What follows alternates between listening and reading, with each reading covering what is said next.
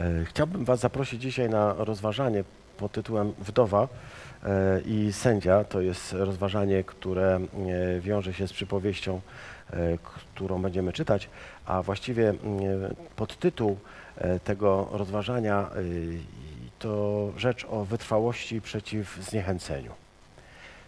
Taki dość skomplikowany tytuł. Wdowa i sędzia o wytrwałości przeciw zniechęceniu. E, I zaczniemy może od tego, żeby m, przeczytać tekst.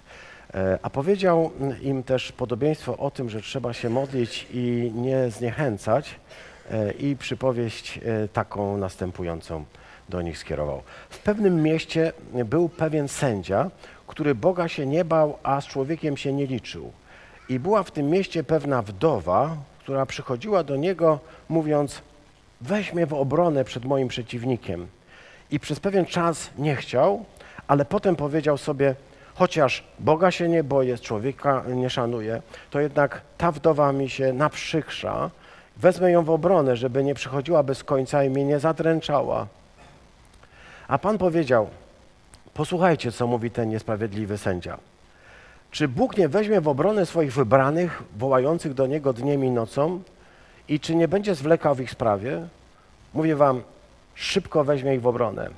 Ale czy Syn Człowieczy przyjdzie, z, z, ale czy Syn Człowieczy, gdy przyjdzie, znajdzie wiarę na ziemi? Oto jest pytanie. Amen. Dziękujemy Ci, Panie Boże nasz, za to, że dajesz nam słowo i za to, że pozwalasz, żebyśmy mogli w tym słowie także dzisiaj odnaleźć y, źródło naszego życia, bo Ty dajesz słowa, które dają życie. Proszę Ciebie, pobłogosław nas dzisiaj i spraw, abyśmy mogli je usłyszeć w głębinie naszego jestestwa, tam, gdzie chcesz, tam, gdzie najgłębiej. Spraw, Panie, aby dotarło do nas to słowo przez naszego Pana Jezusa Chrystusa. Amen. Y, Pozostajemy, kochani, w klimacie łukaszowym, bo co prawda opuściliśmy już y, przyjazne brzegi dziejów apostolskich i wyruszyliśmy dalej w podróż. I opuściliśmy je nie dlatego, że się skończyły, ale dlatego, że e, wakacje się skończyły i chciałem ten cykl dedykować temu okresowi wakacyjnemu. E, Ale myślę, że jeszcze jak Bóg pozwoli, wrócimy kiedyś do następnych kolejnych rozdziałów, bo to rzecz jest przepiękna. Mam nadzieję, że ci, którzy nie lubili dziejów apostolskich, odrobinę już polubili, bo to już nie jest takie zupełnie mm, tylko historyczne dziełko. Mam nadzieję, ale musicie sami powiedzieć, czy to prawda, czy nie. No to cie- cieszę się, że kilku takich, co to nie lubiło, jest. Yy... Pozostajemy w tym klimacie łukaszowym, bo yy, jakoś tak yy, ten tekst przychodził i, i tak do- dopu- dopłukiwał się do mnie, że trzeba o nim mówić. Yy, Zwlekałem troszkę z tym, yy, właśnie korzystając z faktu, że yy, rozważaliśmy dzieje apostolskie, ale czas na to, żeby wrócić do pierwszej księgi Łukasza, czyli do Ewangelii. Protos Logos, jak mówi tam ten początek, że to jest pierwszą księgę napisał do Teofila, po to, żeby się przekonał o prawdziwości słów, które słyszał. Słuchajcie, nie wiem, czy e, uważacie, że czytanie przypowieści to jest rzecz e, skomplikowana czy prosta? Znaczy czytanie jest proste. Jeśli ktoś się nauczył czytać, to to nie jest skomplikowane. Ale czy zrozumienie tych przypowieści jest e, według Was proste czy, czy skomplikowane?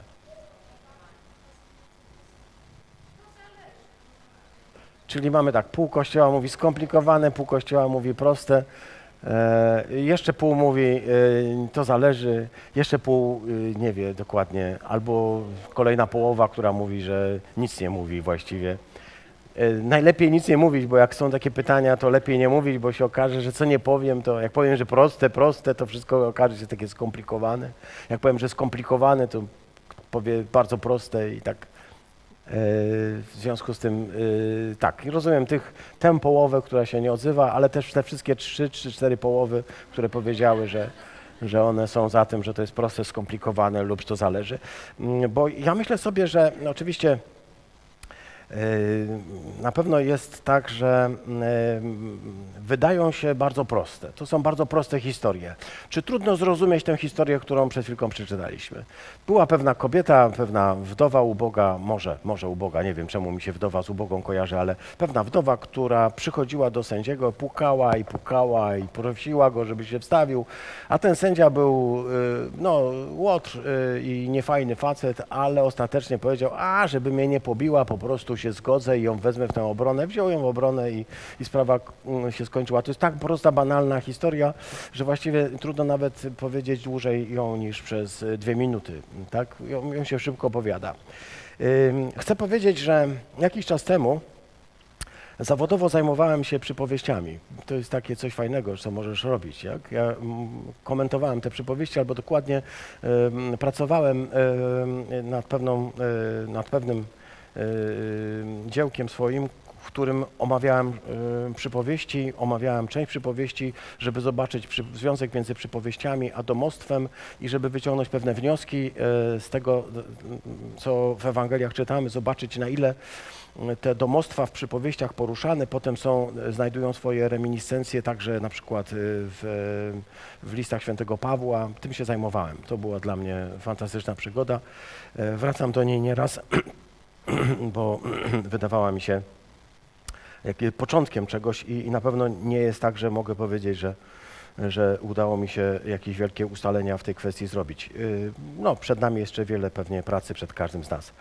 E, ale zwróciłem uwagę w pewnym momencie na, owe, na ów e, styl, na tą formę, jaką jest maszal, czyli po grecku, to po hebrajsku maszal, czyli przypowieść, maszalim, przypowieści, albo parabole, czyli po prostu parabole raczej, bo to akcent na e, czyli przypowieść. Przypowieść albo inaczej podobieństwo, czyli krótka historia. I chcę powiedzieć taką rzecz. Nasz, nasz Pan, Jezus Chrystus, jest mistrzem i co do tego nie ulega wątpliwości. Nazywamy go mistrzem, nie? Jest mistrzem, ale chcę powiedzieć, że on jest także mistrzem przypowieści. Y, ktoś napisał coś, co, co wydaje mi się takie najbardziej trafne, że mm, uczynił z przypowieści e, naj, najbardziej e, jakby charakterystyczną dla swojego nauczania formę. Właściwie znamy go przede wszystkim z tego, E, że uzdrawiał, z tego, że czynił cuda i z tego, że głosił Słowo Boże w przypowieściach. E, bywa tak oczywiście, że nie samymi przypowieściami mówił, ale mówił w ten sposób, nadając przypowieścią coś, co byśmy nazwali bardzo takiego lekkiego, ży żywotnego modelu. To jest coś takiego, co nas na pewno zaskakuje albo może i nawet zadziwia, bo on stał się mistrzem przypowieści.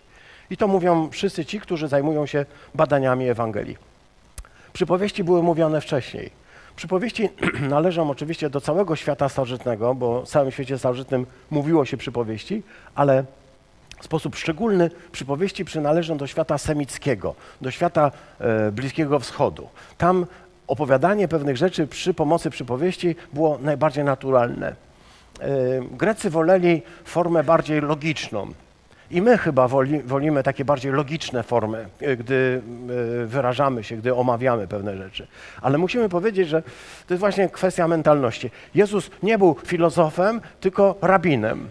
Jezus mówił w kategoriach takiego żydowskiego rabina, takiego człowieka, który jest mistrzem, nauczycielem, a nie filozofa greckiego, który e, powołuje się na jakieś abstrakcyjne historie, na jakieś abstrakcyjne zasady czy po prostu na pewną e, naturalną dla nas logikę.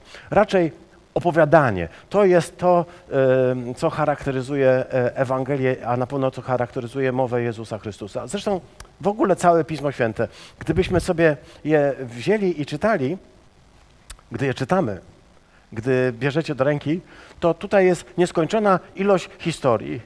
Jest byśmy powiedzieli, bardzo mało jakiegoś teoretycznego traktatu o Bogu. Właściwie nie wiem, czy moglibyśmy znaleźć. My, wychowani jednak w kulturze grecko-rzymskiej, chcielibyśmy, żeby to był bardziej traktat teologiczny, żeby było napisane wszystko tak dokładnie. Bóg jest taki, taki, taki i taki. Paragraf pierwszy, paragraf drugi, może to, to, to i tamto i moglibyśmy taki obraz Pana Boga skonstruować z tych takich katechetycznych wypowiedzi, ale ich tu nie ma a jeśli są, to występują bardzo rzadko. I trzeba je trochę łowić jak rodzynki w cieście, nie? Złapiesz nieraz, że wiara jest pewnością tego, czego się spodziewamy, przyświadczeniem o tym, czego nie widzimy, y, więc możemy jakąś definicję wiary z listu do Hebrajczyków wziąć. Ale to jest oczywiście jakaś tam próba uchwycenia czegoś, co jest przez całą Biblię od początku do końca mówione, przez, prze, przez nią przebiega, bo to jest y, y, mentalność i, i sposób mówienia ludzi należących jednak do tradycji Bliskiego Wschodu. Czyli przez to będziemy rozumieli właśnie mówienie przy pomocy opowiadań historii. Opowiedz mi swoją historię. Zobaczę w tej historii, w Twojej historii, zobaczę w tym, co Ty mówisz, zobaczę e, w jaki sposób Bóg działa. E, to jest ważne dla nas, ponieważ e, kiedy dzisiaj w tych krótkich świadectwach, tutaj już, gdy zespół siedział, słyszeliśmy, że Bóg nas powołał do tego, żebyśmy głosili Słowo to słowo nie musimy głosić w żadnych teoretycznych i abstrakcyjnych pojęciach, jaki jest Bóg i opowiedzieć o Nim. Pamiętacie to taki żart lub anegdotę, y, jak rozmawiali ze sobą może dwaj pastorzy.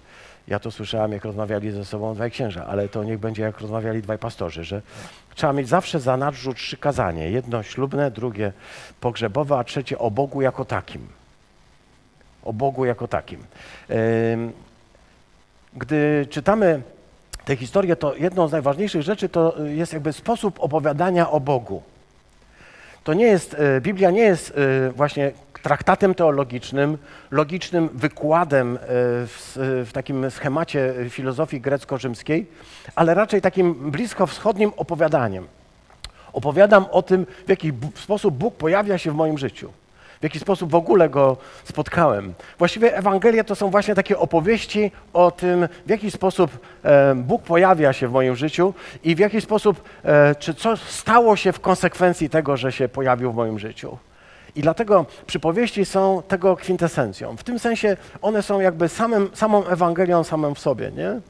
Zresztą dzięki Ewangeliom, dzięki przypowieściom Ewangelia staje się też troszkę prostsza, ale może to pozorne bo przypomnę, że y, kiedy Jezus mówi przypowieści, to nie ma czegoś takiego, wow, jaka fajna przypowieść, wszystko rozumiem, tylko pytanie uczniów, ale co miałeś na myśli, nie? Wyjaśnij nam tę przypowieść.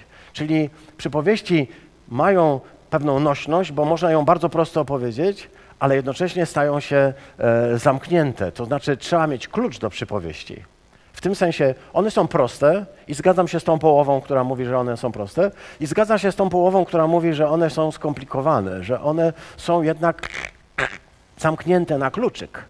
I trzeba znaleźć ten kluczyk do czytania przypowieści. I to jest fantastyczne, bo właściwie chrześcijaństwo to jest nieustanne poszukiwanie klucza do czytania słowa. Nie wiem, czy się zgodzicie. Wielu ludzi czyta słowo, czyta je, czyta je, czyta je, ale chodzi o to, żeby znaleźć klucz do czytania tego słowa. Możecie się zgodzić lub nie, ale wydaje mi się, że to jest bardzo ważne. Na pewno ten klucz e, nie jest gdzieś schowany głęboko w znaczeniu e, nikt nie wie, gdzie jest w tym sensie, nie? E, że masz go gdzieś w obrębie swojej przestrzeni. Musisz go tylko poszukać. Musisz poszukać tego klucza. On jest bardzo ostatecznie prosty.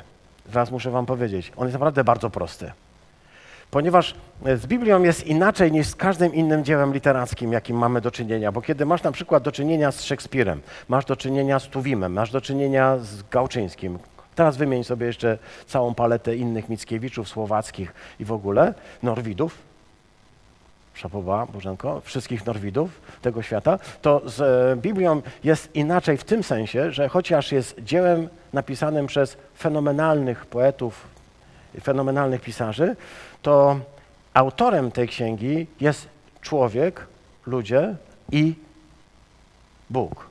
Mówimy na to teandryczność. Takie słowo greckie, tea, teos, andros, czyli teos, Bóg, andros, człowiek. Jest to dzieło bogoludzkie. I w tym sensie o, fenomenalność polega na tym, że kiedy czytasz to słowo, to stoi przy tobie autor, który odpowiada za to słowo. Nie ma tutaj Izajasza, nie ma Łukasza, ale jest Bóg, który natchnął.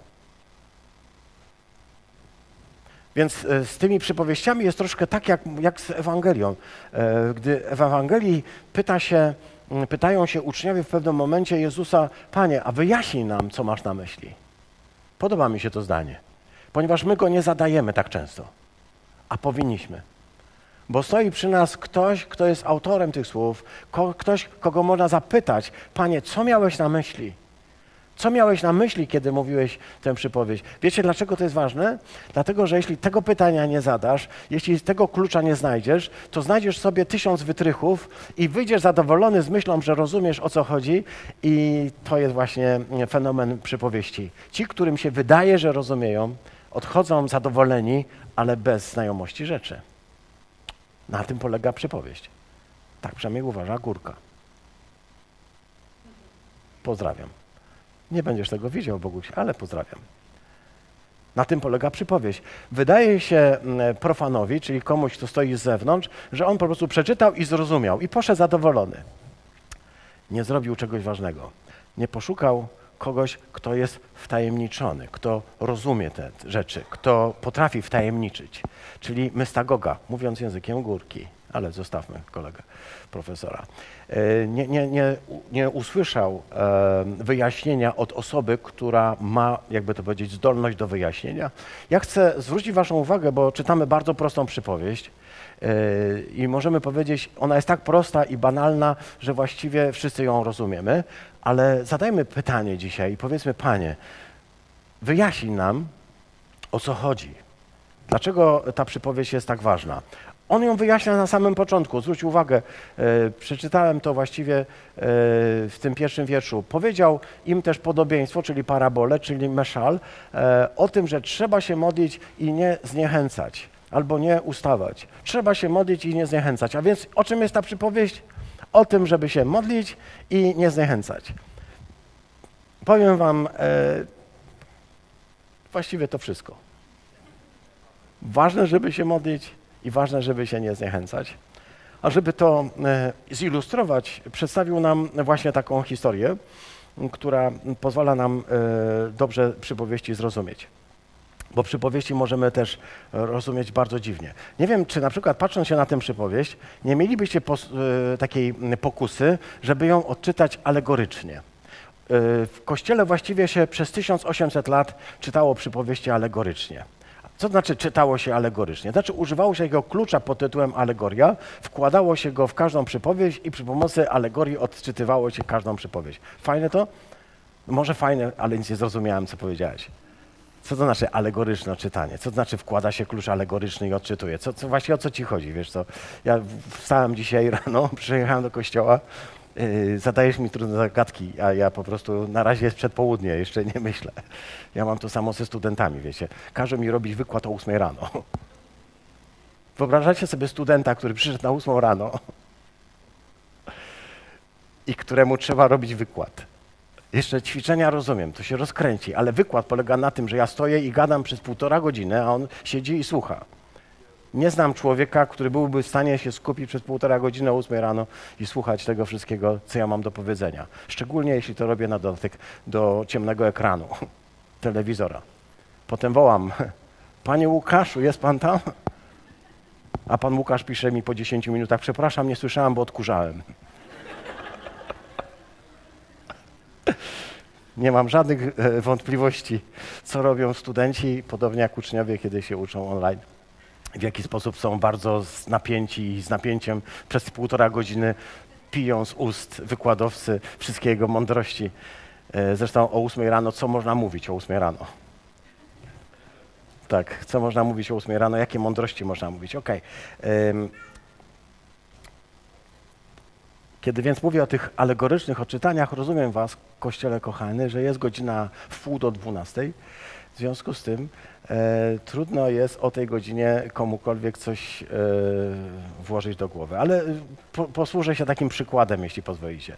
E, wszyscy doskonale e, znamy przypowieść o miłosiernym Samarytaninie. Kto nie zna, ręka do góry. No, tak to lubię.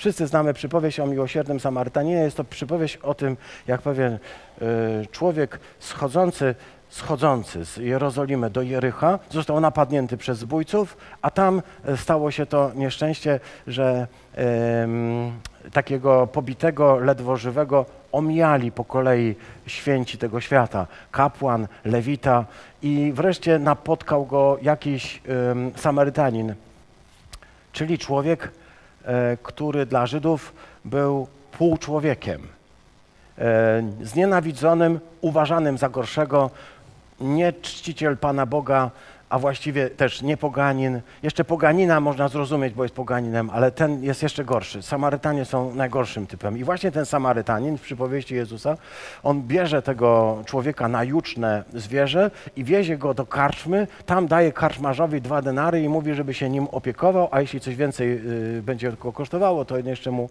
zapłaci. I, i, i tyle. Znamy tę przypowieść.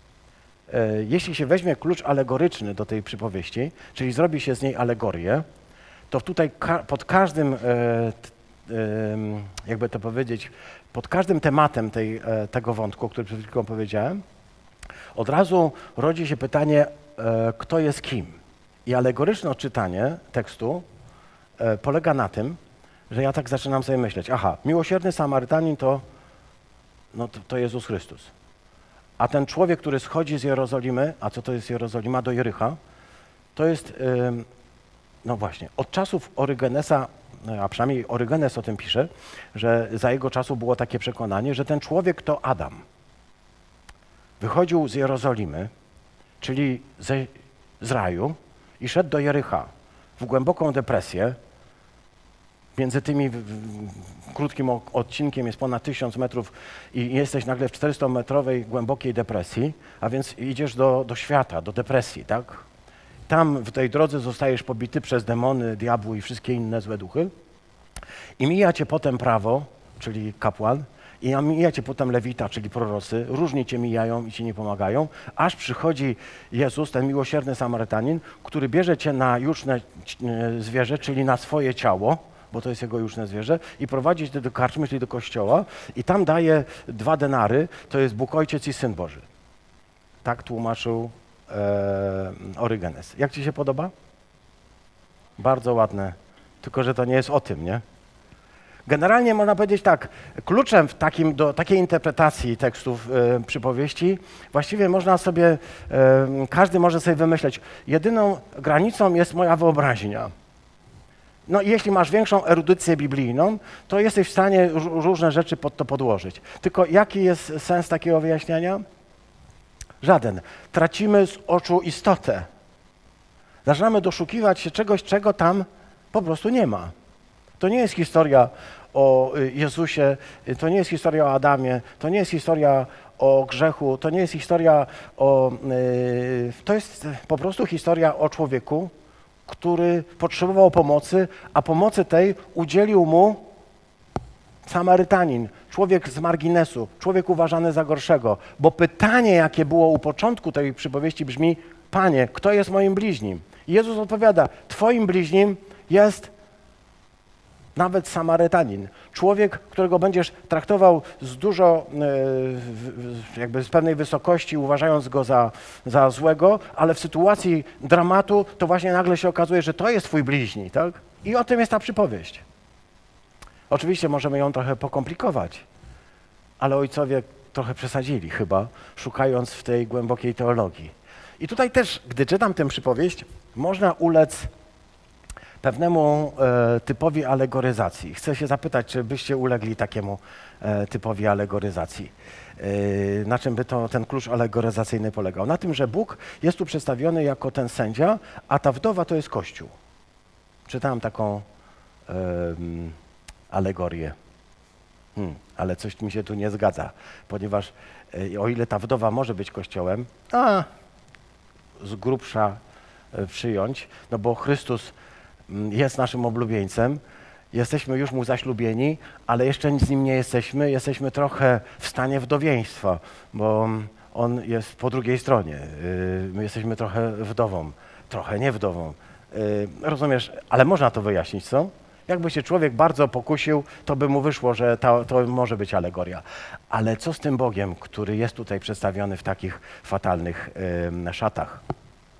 Temu e, warto by się było trochę przyjrzeć, bo alegorycznie e, mamy do czynienia, no właśnie, e, nie alegorycznie, jak się jawi wam ten człowiek, sędzia?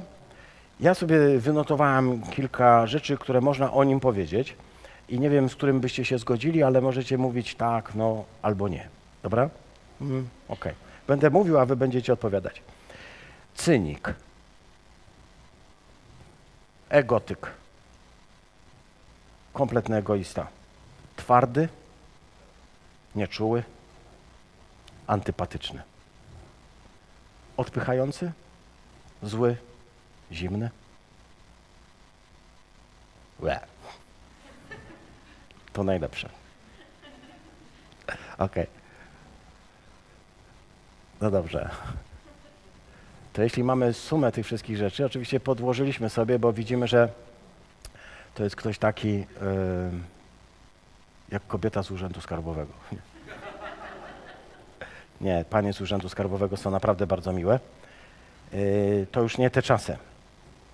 Nie, naprawdę, poważnie. Rozmawiałem z kilkoma, y, zupełnie zmieniły mój sposób myślenia o paniach z Urzędu Skarbowego, to są bardzo miłe osoby. Niech je Pan Bóg błogosławi i niech je Bóg błogosławi. Je i ich generalnie. E, Cały Urząd Skarbowy. Niech Pan Bóg błogosławi. Chcę Wam powiedzieć, że e, gdy patrzę na tego człowieka, to mi się zapalają te wszystkie światełka. Zły, nieczuły, e, taki, bo zresztą tak jest opisane. On jest opisany dwoma podstawowymi tematami. Pierwszy jego stosunek do Boga, drugi jego stosunek do człowieka. Jaki jest biblijny obraz e, jakby stosunku człowieka, jego obowiązku stosunku do Boga, jego obowiązku stosunku do człowieka? Jak brzmi ten obraz? Będziesz miłował Pana Boga swojego z całego serca swojego, z całej duszy, z całej swojej myśli, z całej swojej siły, a bliźniego swego będziesz miłował jak siebie samego. Jeśli zachowasz te dwa przykazania, to choćby był ślepy jak kret, dojdziesz tam, gdzie masz dojść. Dojdziesz do celu. Jeśli będziesz trzymał się tych dwóch przykazań, miłości Boga i miłości bliźniego. Taka prawda? Ten człowiek właśnie dokładnie robił dokładnie to, tylko odwrotnie ponieważ Boga się nie bał, czyli go nie kochał, nie szanował, nie traktował poważnie, nie liczył się z tym, co Pan Bóg ma do powiedzenia. Był w związku z tym e, cały taki dokładnie, jak nie miał być, a jeśli chodzi o człowieka, to traktował go tak, jak e, tylko można najgorzej, czyli z pogardą. Z pogardą. Nie liczył się z nim, jest napisane. Nie szanował go.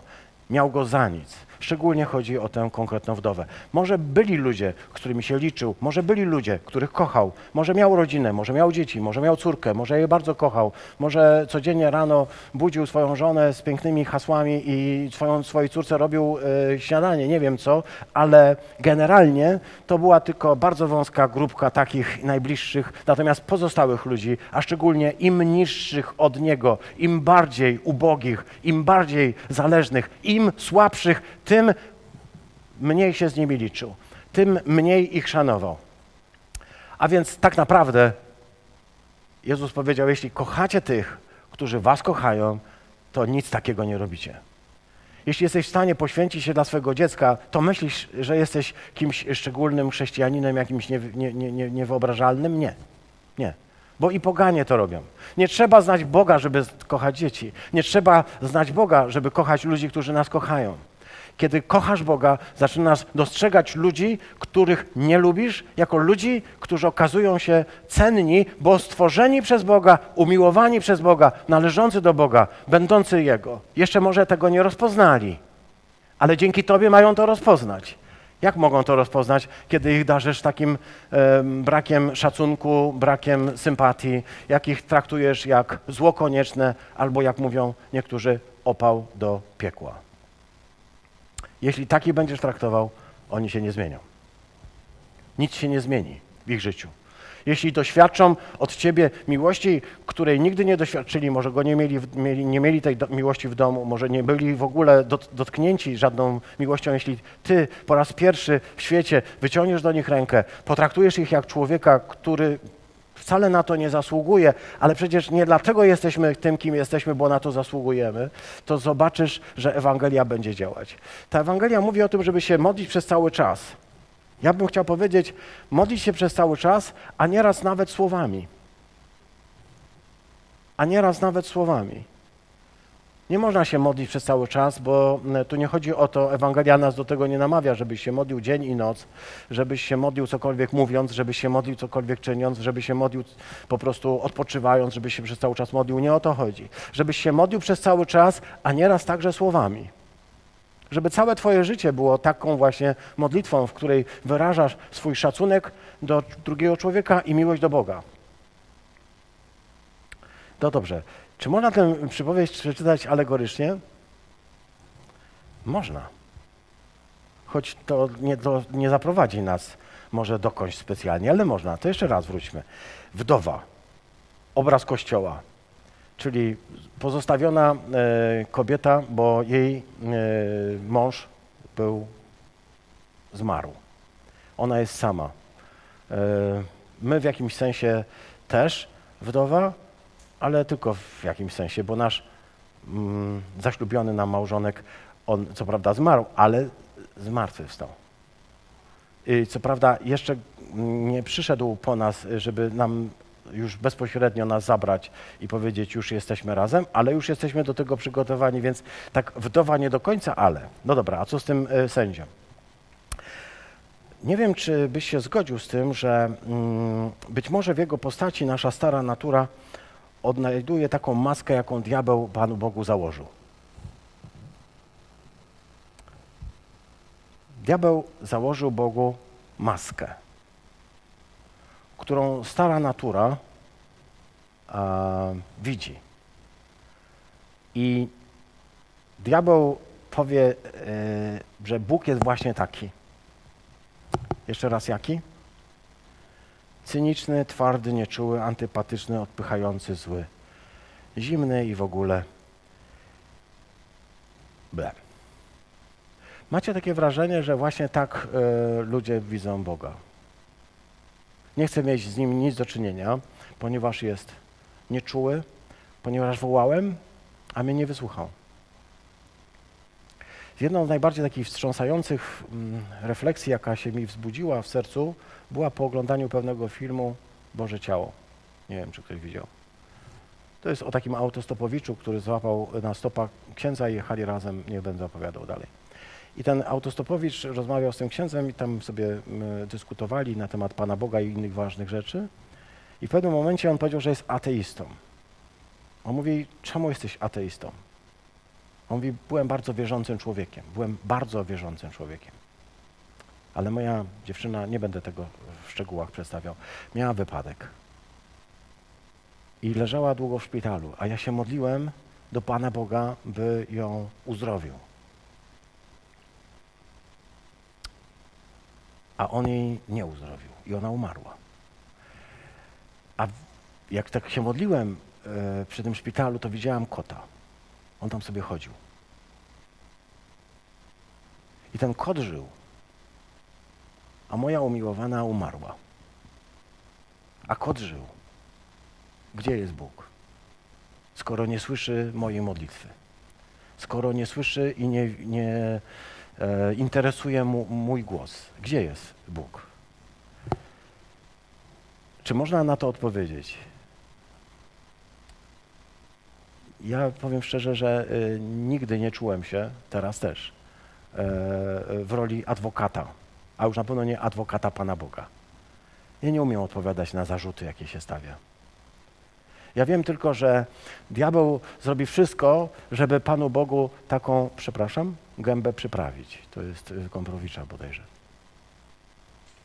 Żeby przyprawić mu y, taką, taką maskę, żebyś mógł powiedzieć, nie chcesz mieć z nim nic wspólnego, ponieważ jest nieczuły, ponieważ nic go nie interesuje, ponieważ przez niego ludzie cierpieli w Auschwitz, Birkenau, ponieważ tutaj umierali niedaleko po drugiej stronie zalewu w Sztutofie, ponieważ y, była druga wojna światowa, ponieważ modliłem się i Bóg mnie nie wysłuchał, ponieważ ktoś umarł, chociaż miał żyć, ponieważ zdarzyło, zdarzyło się tak wiele fatalnych rzeczy. Jak mam wierzyć w Boga, który jest właśnie jak niesprawiedliwy sprawiedliwy sędzia.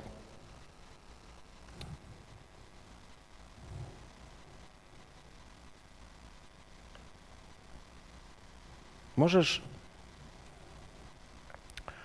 wytłumaczyć komuś, że Bóg taki nie jest? To nie przychodzi łatwo. Ale chcę Ci powiedzieć, wierzysz i wiesz, że Bóg taki nie jest. Musisz powiedzieć dzisiaj sobie zupełnie spokojnie, z głęboką pokorą, że nie rozumiesz go. Nie wiesz, czemu się zachowuje w taki sposób. Nie wiesz, jak to jest, że on jest dla ciebie tak dziwny i trudny i wszystko jest nie, nie takie, jak powinno być. Ale jedno wiesz. Ty wiesz, czego pragniesz, a on wie, co ci jest potrzeba. To nie moje, to święty Augustyn. Ty wiesz, czego chcesz, a on wie, czego naprawdę potrzebujesz. Chcę Ci powiedzieć, że to jest e, dość skomplikowane, bo wydaje nam się, że my doskonale wiemy, co jest nam potrzebne, a że Pan Bóg naprawdę jest w stanie nam to, co jest nam potrzebne, dać w tak prosty sposób. Czy kiedy nam nie daje, nie ulegasz zniechęceniu? Kiedy nie odpowiada na Twoją modlitwę, czy nie ulegasz zniechęceniu? Gdy nie dzieją się rzeczy po Twojej myśli, a mogłyby, przecież bez szkody dla kogoś innego, ulegasz zniechęceniu. Właściwie tak wiele razy ulegasz zniechęceniu. Jesteś przekonany, że on nie działa, że nie działa, że jest ciszą, że po prostu nie odpowiada, że jest po prostu dramatycznym um, kimś takim jak ten sędzia.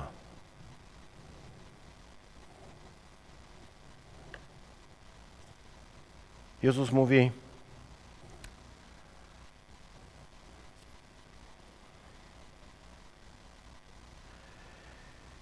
trzeba się modlić i nie dać się e, zniechęcić. Chcecie dzisiaj zachęcić, właściwie to, właściwie to wszystko, co miałem do powiedzenia. Chcecie dzisiaj zachęcić do tego, żebyś się nie zniechęcał, ponieważ um, diabeł ciągle przyprawia Panu Bogu taką twarz. A ty się nie daj zniechęcić, kiedy E, nie słyszysz, kiedy nie słyszysz, kiedy nie słyszysz, kiedy nie widzisz Pana Boga, kiedy nie widzisz, że On e, coś zaczyna robić, kiedy masz wrażenie, że On milczy, że jest skałą, że jest kimś, e, kto kompletnie nie przejmuje się Twoją, kompletnie nie przejmuje się tym wszystkim, co Ty masz do powiedzenia. Chcę Ci powiedzieć, nie dać się zniechęcić wtedy, nie zrezygnować wtedy. To jest zwyciężyć.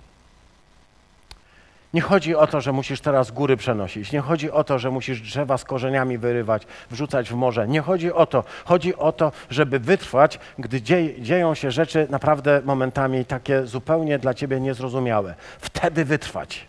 To jest zwycięstwo, wiesz? Wytrwać, gdy nie słyszysz. Wytrwać, gdy nie odpowiada. Wytrwać, gdy nie widzisz Jego miłości, gdy nie czujesz, gdy nie odczuwasz.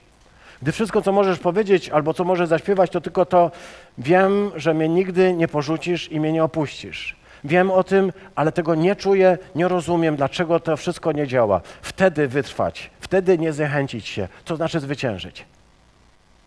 Czy to jest klucz do tej przypowieści, żeby zobaczyć, że największym zwycięstwem jest nieraz to, żeby trwać na tej pozycji, którą przyjąłeś przed Bogiem na pozycję jego dziecka.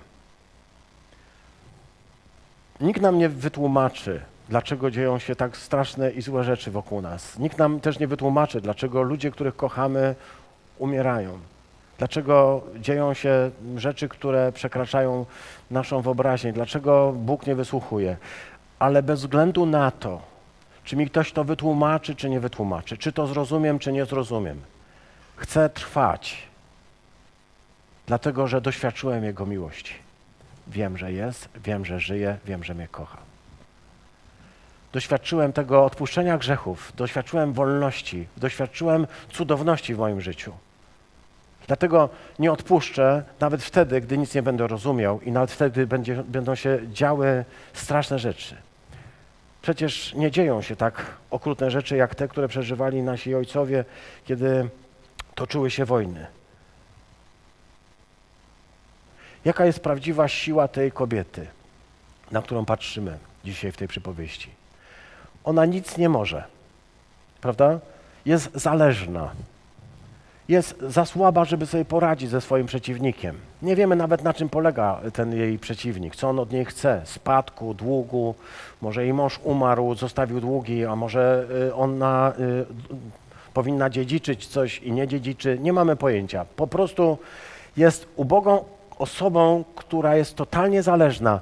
Nie uda jej się y, y, wyjść z tego problemu, nie przekroczy tych wszystkich y, dramatycznych rzeczy, jeśli on jej nie pomoże.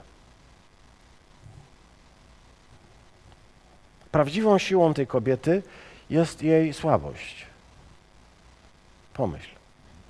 Ponieważ jest słaba, nie może sobie poradzić. Ona nie ma innego wyjścia. Ona stoi przed tym sędzią i prosi go, i prosi go, i prosi go. To jest jej siła y, pierwsza, słabość. A druga siła to upór. Chcę powiedzieć za y, naszymi braćmi apostołami, chcę powiedzieć to zdanie, które oni powiedzieli, kiedy Jezus w pewnym momencie rzekł: I wy chcecie odejść? Bo mówił trudne rzeczy. Oni wtedy powiedzieli do niego tak, ustami Piotra, pamiętasz?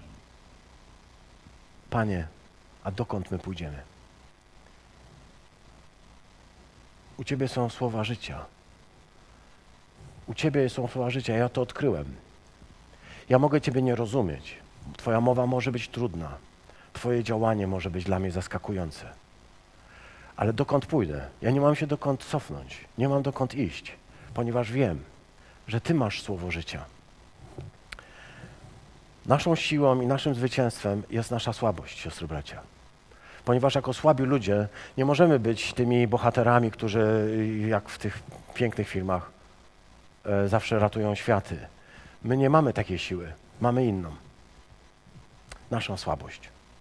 Kiedy przychodzę do Boga i mówię, Panie, ja nic nie mogę. Ty możesz wszystko.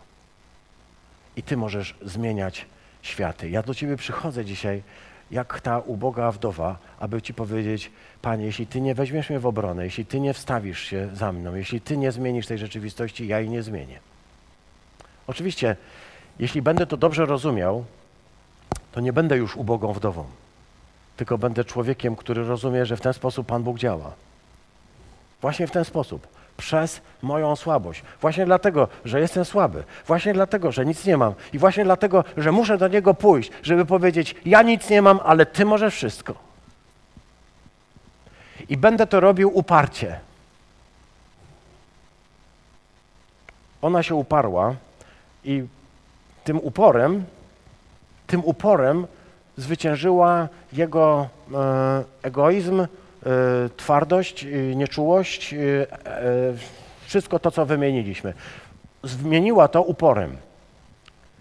Bo mogła po trzech razach powiedzieć, on już mi nie pomoże, nie? Niech, się, niech się świat wali. Ale właśnie, że nie. Poszła znowu i znowu i znowu i znowu i znowu i tak chodziła, bo tutaj jest użyty czas przeszły niedokonany. Chodziła przez cały czas, chodziła, chodziła, chodziła, aż wreszcie pewnego dnia powiedział dość. Dobra, dobra, wezmę cię w obronę, wygrasz. Był sfrustrowany, wściekły, ale bał się o swoją reputację. Bał się, bo tam jest takie słowo, które mogłoby tłumaczyć, że dostanie.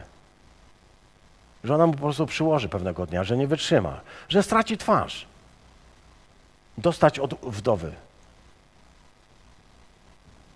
bo powinien się nią zająć. Bo powinien, ponieważ prawo mojżeszowe kładło na niego ten obowiązek, tak? Te wszystkie piękne rzeczy, które moglibyśmy wymienić, tak? Czyli nie będziesz krzywdził żadnej wdowy ani sieroty, a jeśli y, ich skrzywdzisz i będą mi się skarżyły, usłyszę ich skargę, zapali się mój gniew i wygubię ciebie mieczem. Ciebie, twoje żony będą wdowami, a twoje dzieci będą sierotami. Nie wolno krzywdzić człowieka słabszego od siebie. Nie wolno krzywdzić wdowy ani sieroty. Księga Wyjścia, 22 rozdział. Księga Izajasza, biada wam prawodawcom usta bezbożnych i tym, co ustanawiają przepisy krzywdzące, aby słabych odpychać od sprawiedliwości i wyzuć z prawa biednych mojego ludu. By wdowy uczynić swoim łupem, by móc ograbiać sieroty. Lecz co robicie w dzień kary, kiedy zagłada nadejdzie z daleka? Do kogo się wtedy uciekniecie o pomoc? pomoc? Gdzie zostawicie swoje wszystkie złupy i swoje bogactwa? Jeśli się wzbogaciliście na biedzie i na słabości e, sieroty i wdowy. W psalmie 94 też możemy tak czytać. Lud Twój, o Panie, depczą i uciskają Twoje dziedzictwo. Mordują wdowę i przychodnia i zabijają sieroty. I moglibyśmy tak czytać, bo wciąż i wciąż pojawiają się takie mocne teksty, które mówią o tym, że Pan nienawidzi tych, którzy znęcają się nad ubogimi sierotami, wdowami, przychodniami, wszystkimi ludźmi, którzy są w potrzebie, bo Pan jest stróżem przychodniów. Pan jest stróżem sierot i wdów, ludzi, którzy są poza prawem. On takich umiłował w sposób szczególny. Jeśli będziesz ich miłował, będziesz w Bożym sercu. Jeśli ukochasz tych, którzy są słabi i niemocni. Żeby to zrobić, potrzeba, byś się nie zniechęcił. Cały świat będzie ci mówił, że to jest kompletnie bez sensu. Ale chcę się zapytać dzisiaj ciebie. Wierzysz światu czy Ewangelii? Komu wierzysz? Sobie czy Chrystusowi? Swoim oczom czy Jego Słowu? Odpowiedz na to pytanie. Amen.